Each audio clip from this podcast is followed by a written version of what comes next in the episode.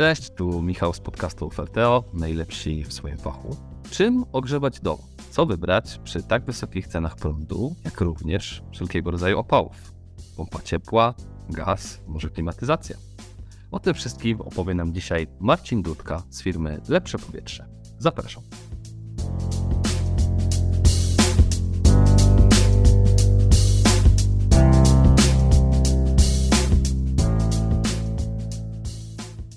Cześć Marcin. Cześć, witam. Lepsze powietrze zajmuje się głównie klimatyzatorami, jak również pompami ciepła. Gdybyś mógł powiedzieć, co dla kogo? Co dla kogo? No tak, w sumie czy klimatyzator, czy pompa ciepła w takim rozumieniu, jak na, na rynku to, to funkcjonuje, to tak naprawdę fizycznego punktu widzenia to jest to samo. Więc klimatyzacja jest to pompa ciepła powietrze-powietrze, gdzie odzyskujemy energię z powietrza zewnętrznego i przekazujemy tę energię do powietrza wewnętrznego. Pompa ciepła wodna, powietrze-woda, czyli z powietrza odzyskujemy energię, przekazujemy ją do układu wodnego ogrzewania w domu. W sumie dwoma urządzeniami możemy ogrzewać dom. Wybieramy dwa kierunki. Oczywiście klimatyzacja ma tą dodatkową funkcję, że możemy sobie latem schłodzić e, mieszkanie, ale równie dobrze możemy sobie to mieszkanie e, czy dom dogrzewać. Przewaga pompy ciepła powietrze-woda, no to jest taka, że możemy dodatkowo jeszcze wyprodukować sobie ciepłą wodę użytkową. I to są mniej więcej takie różnice. My stosujemy oba rozwiązania w zależności do wymagań klienta, bo część osób, które posiadają kotły gazowe w nowych domkach, więc to są urządzenia w miarę nowe, no nie każdy chciałby się od razu tego pozbywać, no bo wydał ileś tam już pieniędzy na Aha, instalację, ale posiadając chociażby fotowoltaikę, gdzie zyskujemy troszeczkę prądu, czy to przez prosumenta, czy tam przez sprzedaż net meteringu, możemy wykorzystać ten prąd i wspomagamy to klimatyzatorami, tak? Więc mamy też dosyć dużo klientów, którzy posiadający ogrzewanie gazowe zgłaszają się do nas, abyśmy im jeszcze doinstalowali w pomieszczeniach klimatyzatory, które oczywiście mają funkcję grzania i w takich okresach przejściowych spokojnie sobie mogą tym grzać. Słyszałem taką opinię, że klimatyzator jest tańszą wersją pompy ciepła. Jeżeli ktoś nie może sobie pozwolić na wydanie kilkudziesięciu tysięcy na pompę ciepła, to wtedy może się zdecydować na klimatyzator i on pozwoli nawet wytrzymać zimą. Zgodziłbyś się z tym?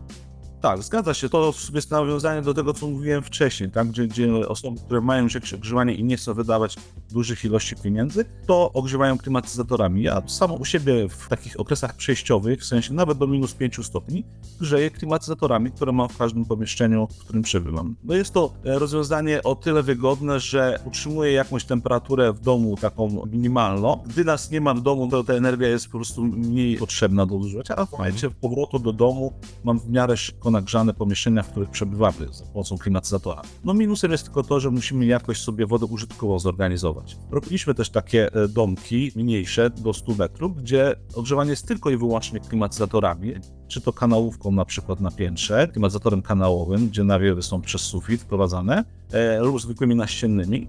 No i tam klienci sobie z wodą radzili po prostu zwykłym boilerem na grzałce, tak? Więc ta inwestycja na pewno jest wielokrotnie tańsza niż, niż pompa ciepła. A y, czy klimatyzatory są objęte e, wsparciem z programu Moje Ciepło? Z mojego ciepła nie słyszałem, żeby takie coś było, ale można było skorzystać e, z czystego powietrza w momencie, gdy klimatyzator rzeczywiście byłby jedynym źródłem, tak? Czyli pozbywamy się jakiegoś tam kopciucha i wprowadzamy klimatyzator, bo już wielu producentów e, wprost nazywa to pompami powietrze-powietrze, chociażby ze względu właśnie na, na dotacje. Na te dotacje. No, w sensie fizycznym jest to pompa ciepła, tak? Ale oczywiście chodzi tu o interpretacje podatkowe. Ponieważ na pompę ciepła z programu Czyste Powietrze możemy dostać nawet do 40 tysięcy złotych. Tak, to, to też tam są przedziały w zależności od, bo to się faktycznie co chwilę zmienia, co roku są nowe mhm. przedziały. Są teraz, e, to jest uzależnione od e, dochodu na członka rodziny, to jest też uzależnione jaki to jest rodzaj działania, czy jest pompa powietrza, powietrze woda, powietrze e, woda grunt tak? no bo też mamy jeszcze dodatkowe pompy gruntowe, które może są trochę mniej popularne ze względu na koszty, no ale też nie wszędzie jest potrzeba montowania tych pomp gruntowych. Właśnie kiedy najlepiej wybrać pompę gruntową, a kiedy pompę powietrza? Tak naprawdę, jeżeli my to rozpatrujemy tutaj w doradztwie dla klienta, to z mhm. reguły wiąże się to z warunkami meteorologicznymi na danym terenie. Pompy powietrze-woda zdobyły teraz taką popularność, ponieważ y, są to już bardzo, bardzo wydajne urządzenia w stosunku do kilku lat wstecz. Są o wiele tańsze niż pompy gruntowe Więc ta niewielka różnica no, wydajności między pompą powietrze-woda a gruntową nie przekłada się na inwestycje, tak? Więc pompa gruntowa jest bardziej stabilna, więc w terenach bardziej powiedzmy bliżej gór, gdzie temperatury są niższe, tam bym się decydował na pompę gruntową, gdzie źródło e, ciepła jest stabilne w gruncie. Ale tereny takie, chociażby tutaj u nas okolice Wrocławia, Będzie zajęcia w Polsce de facto. montowanie pompy gruntowej nie zawsze ma uzasadnienie ekonomiczne. Przy dużych domach to tak, Słyszałem też opinię, że przy pompach gruntowych łatwiej jest o awarię i jeżeli dojdzie chociażby do zamarznięcia w zimie rur, które wchodzą w grunt, to w zasadzie ta pompa nam stoi całą zimę i nie mamy czym ogrzewać. No tak, do zamarznięcia, e, no ciężko, żeby tutaj doszło, bo akurat tam to jest glikolem, który nie zamarza, ale tak, no przy pompie gruntowej wykonanie całej instalacji jest, musi być precyzyjne, nie wybacza błędów, bo coś, co mamy albo schowane pod e, gruntem, pod powierzchnią, bo mamy gruntowe powierzchniowe, czyli pod wielką powierzchnią gruntu e, na głębokości tam poniżej przemarzania montujemy układ rur lub e, robimy odwierty w głąb. Jeżeli tam mamy jakąś niszczelność, to zlokalizowanie tego, naprawienie tego no jest bardzo kosztowne, trudne, więc to też e, ma wpływ na decyzję, tak, e, o podjęciu tej działalności. No pompę, powietrze, woda, mamy wszystko na wierzchu, kotłowni mamy wszystko na, na wierzchu, agregat mamy na zewnątrz, więc łatwy jest dostęp serwisowy, chociażby nawet szybkie wymiany agregatu, tak, więc w, w awarii zimą, żeby się nie bawić, można zorganizować dosyć szybko naprawę takiego urządzenia. Panie Marcinie, to idąc jeszcze troszkę bardziej po poradę e, dla klientów, są dwa rodzaje pomp ciepła, e, split i monoblock. Gdyby Pan mógł też wytłumaczyć tutaj różnicę, którą pompę kiedy lepiej zastosować. W sumie, jeżeli tak patrzy się na rozwiązania, te monobloki split, no to, no to monoblok nawet czasem potrafi być troszeczkę wydajniejszy, tak? Bo- chociażby te pompy e, wysokotemperaturowe są robione na zasadzie e, monobloków. Staramy się monobloków e, nie montować z kilku względów. Znaczy to e, bardziej chodzi o świadomość użytkownika, tak? W monobloku cała maszyneria jest na zewnątrz budynku. Tam jest produkowana ciepła woda i my wodą wchodzimy do budynku, czyli mamy układ wodny, który jest poza budynkiem ogrzewany. Tu wychodzi takie ryzyko, tak? Więc w, momencie zaniku prądu istnieje ryzyko zamarzania złatu wody, który jest na zewnątrz, co może uszkodzić nam wymiennik w jednostce. No jest kilka sposobów zabezpieczenia się przed tym, tak? E, Od zalania układu glikolem, co rodzi kolejne problemy, tak? Więc bo jeżeli jest to modernizacja, ktoś ma stary układ, musimy ten układ odseparować, ponieważ glikol jest żrący. Jeżeli ktoś ma nieprzystosowany stary układ typu uszczelki do glikolu, to za chwilę się pojawią wycieki, więc to trzeba mieć na uwadze, tak? Więc taki układ przeważnie separujemy na jakimś wymienniku, który jest odcięty fizycznie od układu domowego. Ten wymiennik powoduje to, że tracimy troszeczkę mocy na pompie ciepła, więc to też trzeba uwzględnić przy dobieraniu pompy ciepła typu monoblock. Glikol plus ten wymiennik e, ciepła, to nawet do 15% mocy możemy stracić, tak? Więc już wtedy nie mamy tych 9 kW takich nazwijmy to przysłowiowych, tylko mamy troszeczkę mniej. Bo to, to jest jeden z, z problemów. E, Zabezpieczeniem kolejnym mogą być zawory przeciwzamrożeniowe. Są to zawory na, róż- e, montowane na zewnątrz budynku na rurach dolotowej i wylotowej, które też powodują w sposób mechaniczny otwarcie układu. Jeżeli jest e, zład wody po zaniku prądu spadnie nam do tam 3 stopni Celsjusza, zawory się otwierają, e, woda jest zrzucana, ale jak nie ma wody, to nie ma co zamarznąć, tak? Po powrocie prądu należy odtopić. Dlatego mówię o tym, że użytkownik monobloka musi być świadomy. Od razu mamy też dodatkowe wytyczne, te systemy oparte na monobloku. No fajnie by było, żeby ten monoblok stał jak najbliżej ściany budynku, żeby jak najkrótsza droga była tej e, ścieżki wodnej między urządzeniem a budynkiem, żeby jak najszybciej dostać się do pomieszczenia ogrzewanego. No i trzecim zabezpieczeniem, no to można też zastosować e, pompę obiegową na jakimś tam UPS-ie, który będzie cały czas wymuszał ruch wody, no bo woda w ruchu no nie zamarza, więc to trzeba mieć na uwadze. W splitach, no splity są troszeczkę droższe od monobloków, no ale właśnie rozwiązują nam wszystkie te problemy, tak? Na zewnątrz wychodzimy układem fronowym, który nigdy nie zamarznie, więc po prostu nie ma prądu, nie ma ciepła, ale nic się nie dzieje, więc to jest taki system bezobsługowy, więc klient nie musi mieć tej świadomości. No i są takie różnice między tymi dwoma układami. Ja z reguły polecam układy, układy splitowe, no ze względu chociażby właśnie na, na to bezpieczeństwo i święty spokój. Ale montujemy też monobloki, gdy robimy modernizację kotłowni klient chce zostawić dotychczasowe źródła i nie ma po prostu miejsca na jednostkę wewnętrzną w środku, no więc monoblok jest takim rozwiązaniem pierwszym, no bo tam tylko wchodzimy rurami i już. Są też dywagacje na temat tego, czy pompy ciepła nadają się do starych budynków. Bo pompa ciepła najlepiej jak jest niskotemperaturowa, jak ogrzewa do 30-35 stopni. To, co pan powiedział, to oczywiście jest e, po, po części prawda, tak? No, pompa ciepła jest idealnym źródłem niskotemperaturowym. No, dążymy do tego, żeby była jak, jak najmniejsza różnica między źródłem zewnętrznym a wewnętrznym, wtedy mamy najwyższą sprawność urządzenia. Ale oczywiście na grzejnikach spokojnie pompy sobie radzą, no bo przeważnie te grzejniki, które mamy montowane w domach czy tam w mieszkaniach, pracują w okolicach 40, 45 do 50 stopni, więc pompy ciepła spokojnie sobie też radzą. Powietrze, woda produkują wodę do temperatury nawet 55 stopni, te niskotemperaturowne temperaturowe, więc tutaj z grzejnikami sobie poradzą no problemem jest, są po prostu tylko koszty, będą większe niż w stosunku do takiej samej powierzchni grzewane instalacją podłogową, no bo musimy o te parę stopni więcej energii dostarczyć, tak? Problemy mogą się zacząć w bardzo starych domach, gdzie tam powiedzmy są gdzieś grzejniki jeszcze żeliwne, no to tutaj już zaczyna się problem, tak? Grzejnik żeliwny musi mieć odpowiednią temperaturę, bo to nie jest e, grzejnik konwekcyjny, tylko oddaje ciepło przez promieniowanie, więc albo trzeba zrobić modernizację grzejników, czyli wymiana grzejników na jakieś nowocześniejsze. Czasem po prostu rzeczywiście odmawiamy, no bo jeżeli ktoś chciałby tylko pompę bez tej modernizacji, no to nie jesteśmy w stanie zapewnić pełnego działania tej pompy, więc się okaże, że pompa będzie działała jak zwykła grzałka, tak? Więc mija się to z celem inwestycyjnym. Więc no to trzeba do tego podejść całościowo. Trzeba zobaczyć budynek, trzeba zobaczyć, jaka tam jest instalacja, czy jest możliwość docieplenia i wtedy można rozmawiać o pompie ciepła, tak? Grzejniki, klimakonwektory, ogrzewanie podłogowe, ścienne, no to praktycznie możemy pompami. A, bo są dwa rodzaje też pomp. Y, niskotemperaturowe i wysokotemperaturowe. Co dla kogo? W większości przypadków te pompy niskotemperaturowe, tak zwane, tak, no to one tak naprawdę hmm. mają w swoich charakterystykach temperaturę pracy do 55 stopni. Też zależy tam od nomenklatury poszczególnych producentów, ale przyjęło się, że te pompy dostępne na rynku popularno do 55 stopni sobie tam produkują e, ciepło. Więc jest to ekonomiczne jakby uzasadnione? Jak ktoś ma grzejniki, to jest sens montować pompę? To jest kwestia przeliczenia, e, ile my musimy dostarczyć energii i porównać sobie do ceny źródła typu gaz, tak, czy tam mhm. E, ekogroszek. No na dzień dzisiejszy praktycznie no ekogroszek już nie jest. E, no nie jest alternatywą, prawda? Tak, nie jest alternatywą. E, poza tym, e, mając e, urządzenie na prąd typu pompa ciepła, możemy też ten prąd sobie wyprodukować, czyli zakładając, albo część osób ma fotowoltaikę, więc to też nam jakoś tam te koszty niweluje, tak? Spokojnie do grzejników można typu właśnie takich konwekcyjnych, te najpopularniejszych, dwupanelowych czy tam aluminiowych stosujemy te rozwiązania.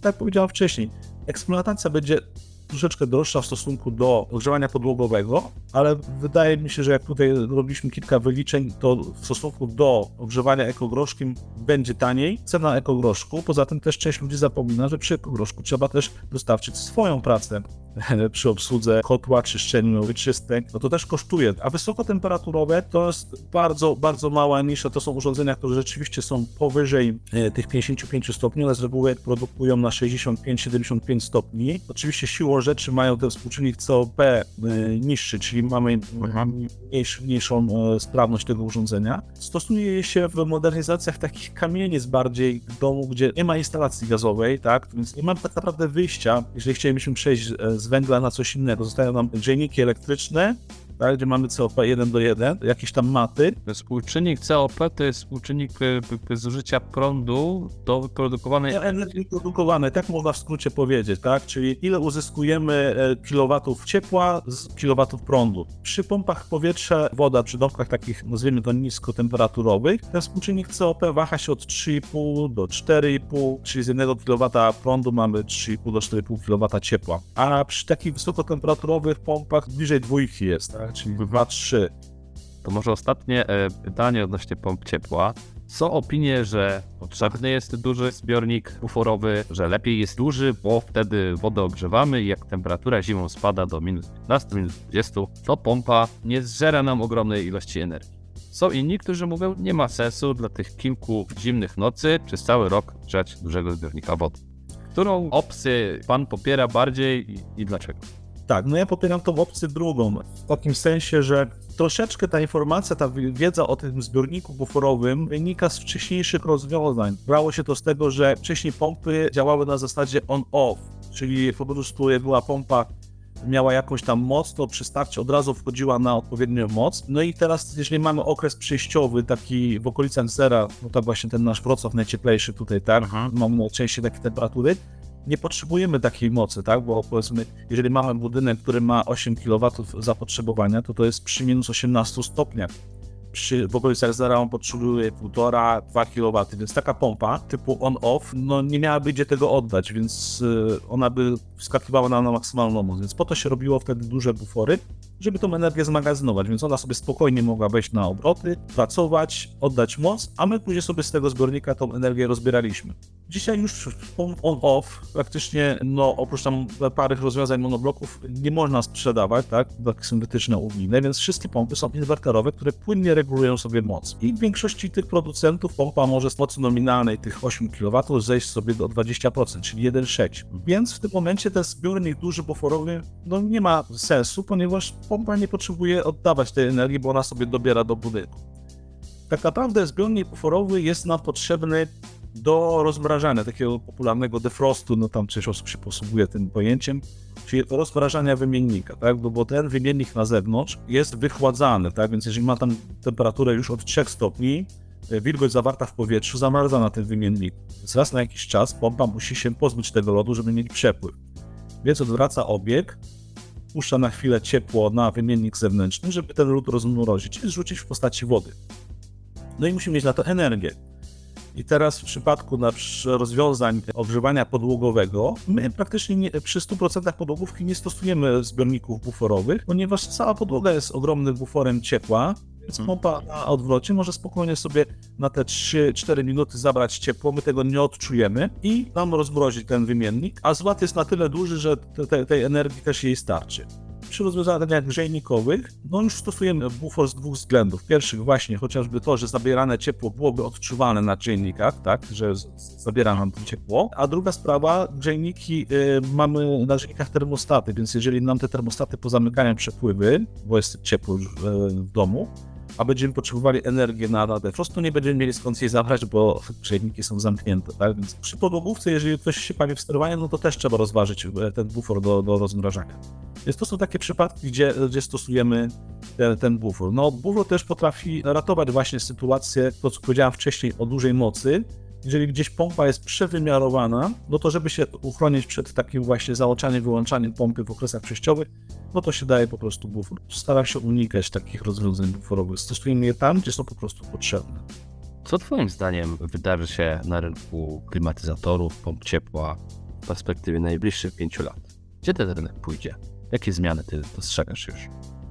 Na pewno rynek będzie się rozwijał, tak? No bo e, patrząc na sytuację czy finansową, czy geopolityczną, prawda, no musimy się jakoś uwolnić od źródeł kopalnych. Fakt, że oczywiście większość energii elektrycznej produkowana w Polsce jest jeszcze z węgla, ale to spalanie węgla w elektrowniach jest bardzo ekonomiczne, nie mogło sobie pozwolić na nieekonomiczne spalanie. Ten produkt zawsze będzie czystszy niż ta energia produkowana z jakiegoś tam kotła w domu, więc na pewno będzie ten rynek się rozwijał. Poprawiają się wydajności tych urządzeń, poprawia się też świadomość klientów, bo już z klientami, z których rozmawiam, już coś teraz wiedzą. Tak parę lat temu no, nie wiedzieli, co to jest pompa ciepła, tak? a teraz już wiedzą. Mają świadomość tego, że zastosowanie takich rozwiązań pozwoli polepszyć powietrze w okolicy, w której mieszkają. Więc myślę, że tutaj będzie się to rozwijało. Tutaj w tym kierunku pójdziemy.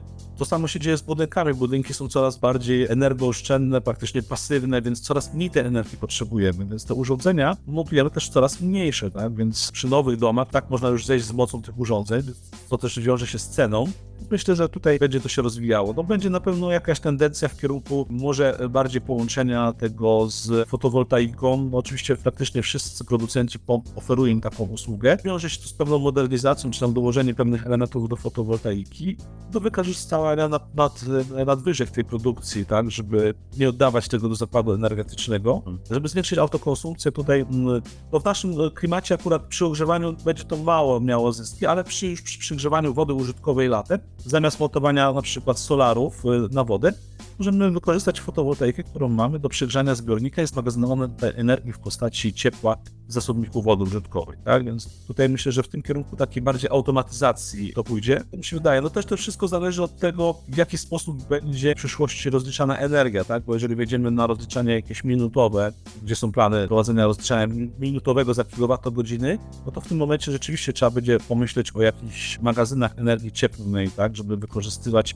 pracę pompy w tych e, tańszych okresach prądu, tak? Żeby mieć na te droższe okresy prądu. Marcin, widać, że masz e, ogromną wiedzę. To się przekłada na bardzo dobre opinie Twojej firmy, lepsze powietrze. Cieszę się.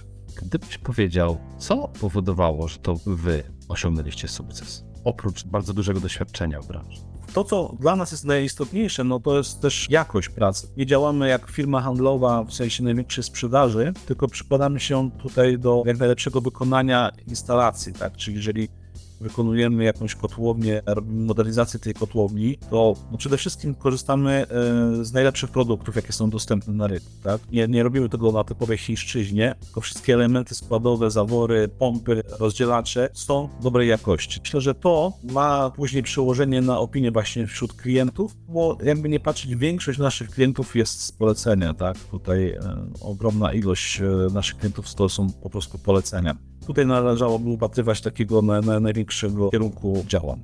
Dlaczego e, zdecydowaliście się na współpracę z Oferteo? Jak w ogóle ta współpraca wam się układa? Oferteo pozwala na, ja do tego podchodzę jako do wspomagania pozycjonowania firmy, tak? No bo wiadomo, oprócz tego, że działamy na poleceniach, no fajnie by było też, żeby ktoś nas na zewnątrz e, znał. Oferteo daje nam taką fajną możliwość pozycjonowania się, tak? No bo jest to rozpoznawalna marka. No jeżeli my tam jesteśmy, no to też siłą rzeczy jesteśmy tam pozycjonowani, tak? Jeżeli zdobywamy odpowiednie ilości opinii, no to też jesteśmy siłą rzeczy pozycjonowani i pozwala mi to nie skupiać się na pozycjonowaniu swojej strony, bo mamy klientów w tym momencie też już takich powiedzmy wyselekcjonowanych, tak? no bo na ofertę wchodzi klient, który czegoś już tam szuka konkretnego, łatwiej jest po prostu dotrzeć. E, ile procent klientów macie z ofertą? Myślę, że na dzień dzisiejszy to jest to w okolicach 15, może 20%. Firma ma wiele sukcesów, ale chciałem Ciebie też zapytać o błędy. Gdybyś mógł zacząć, patrząc na Twoje dzisiejsze doświadczenie, Gdybyś mógł zacząć jeszcze raz, jakich błędów chciałbyś uniknąć? Co byś sobie doradził temu początkującemu Marcinowi? Błędy, myślę, że to są takie e, typowe błędy ogólnie przedsiębiorców na początku, tak? Więc e, myślę, że skorzystałbym na początku z jakiegoś doradztwa podatkowego, księgowego, niż szukając tam rozwiązania. To jest, myślę, że to jest takie, ale to się tyczy chyba każdej, każdej branży, jeżeli ktoś chciałby startować e, w biznesie, no ponieważ no zagmatwanie przepisów i wszystkich rozwiązań w naszym kraju mocno zabiera siłę, energię do, do, do prowadzenia biznesu. Druga sprawa, na pewno więcej czasu poświęciłbym jeszcze na doszkalanie, tak? I to myślę, że do początku trzeba ciągnąć do przodu, bo wiedzę, którą się ma gdzieś tam ze szkoły, z praktyki, to wiadomo jest ok, ale świat się zmienia, są nowe rozwiązania, więc poprzez nie wiem, szkolenia, targi, no można coś tam się więcej dowiedzieć. Można też swój pomysł wtedy na bazie tych informacji zweryfikować i rozwinąć, tak? Więc tutaj na pewno bym, bym w tym kierunku tutaj poszedł e, bardziej. A tak na zakończenie, czego byś sobie życzył? Życzyłbym sobie więcej świadomych klientów wydaje mi się, że świadomy klient z mojego punktu widzenia jest o tyle wygodniejszy, ponieważ jeżeli zaczynamy rozmawiać o jakiejś inwestycji, to wiem, że konkurencja, która opiera się tylko i wyłącznie na, na typowym handlu, które nie ma wiedzy powiedzmy tej technicznej, to będzie miała trudniej niż z firmami takimi typowo jak nasza, które zajmują się tym i mają taki powiedzmy jakąś tam wiedzę, którą potrafią przekazać i rozwiązać, bo to też pozwala później uniknąć rozczarowań do klienta, tak? Więc jeżeli my wiemy, o czym rozmawiamy, klient przy okazji rozmowy, rozmowy z, z, nami się jeszcze tam doszkala, tak? Do, dowie się pewnych rzeczy, to później w tej e, obsłudze postsprzedażowej też jest e, łatwiej. Marcin, to życzę tych świadomych klientów, żeby ludzie wiedzieli, z kim powinni rozmawiać, wybierając czy klimatyzację, czy pompę ciepła, czy chociażby fotowoltaikę. Dzięki wielkie za to, że nas odwiedziłeś. Było bardzo miło. Wiele cennych rad. Cieszę się. No mam nadzieję, że komuś pomogłem rozwiać pewne wątpliwości. To na pewno. A wszystkich słuchających zachęcam do subskrypcji naszego podcastu zarówno na YouTubie, jak i platformach streamingowych. Do usłyszenia już wkrótce. Cześć.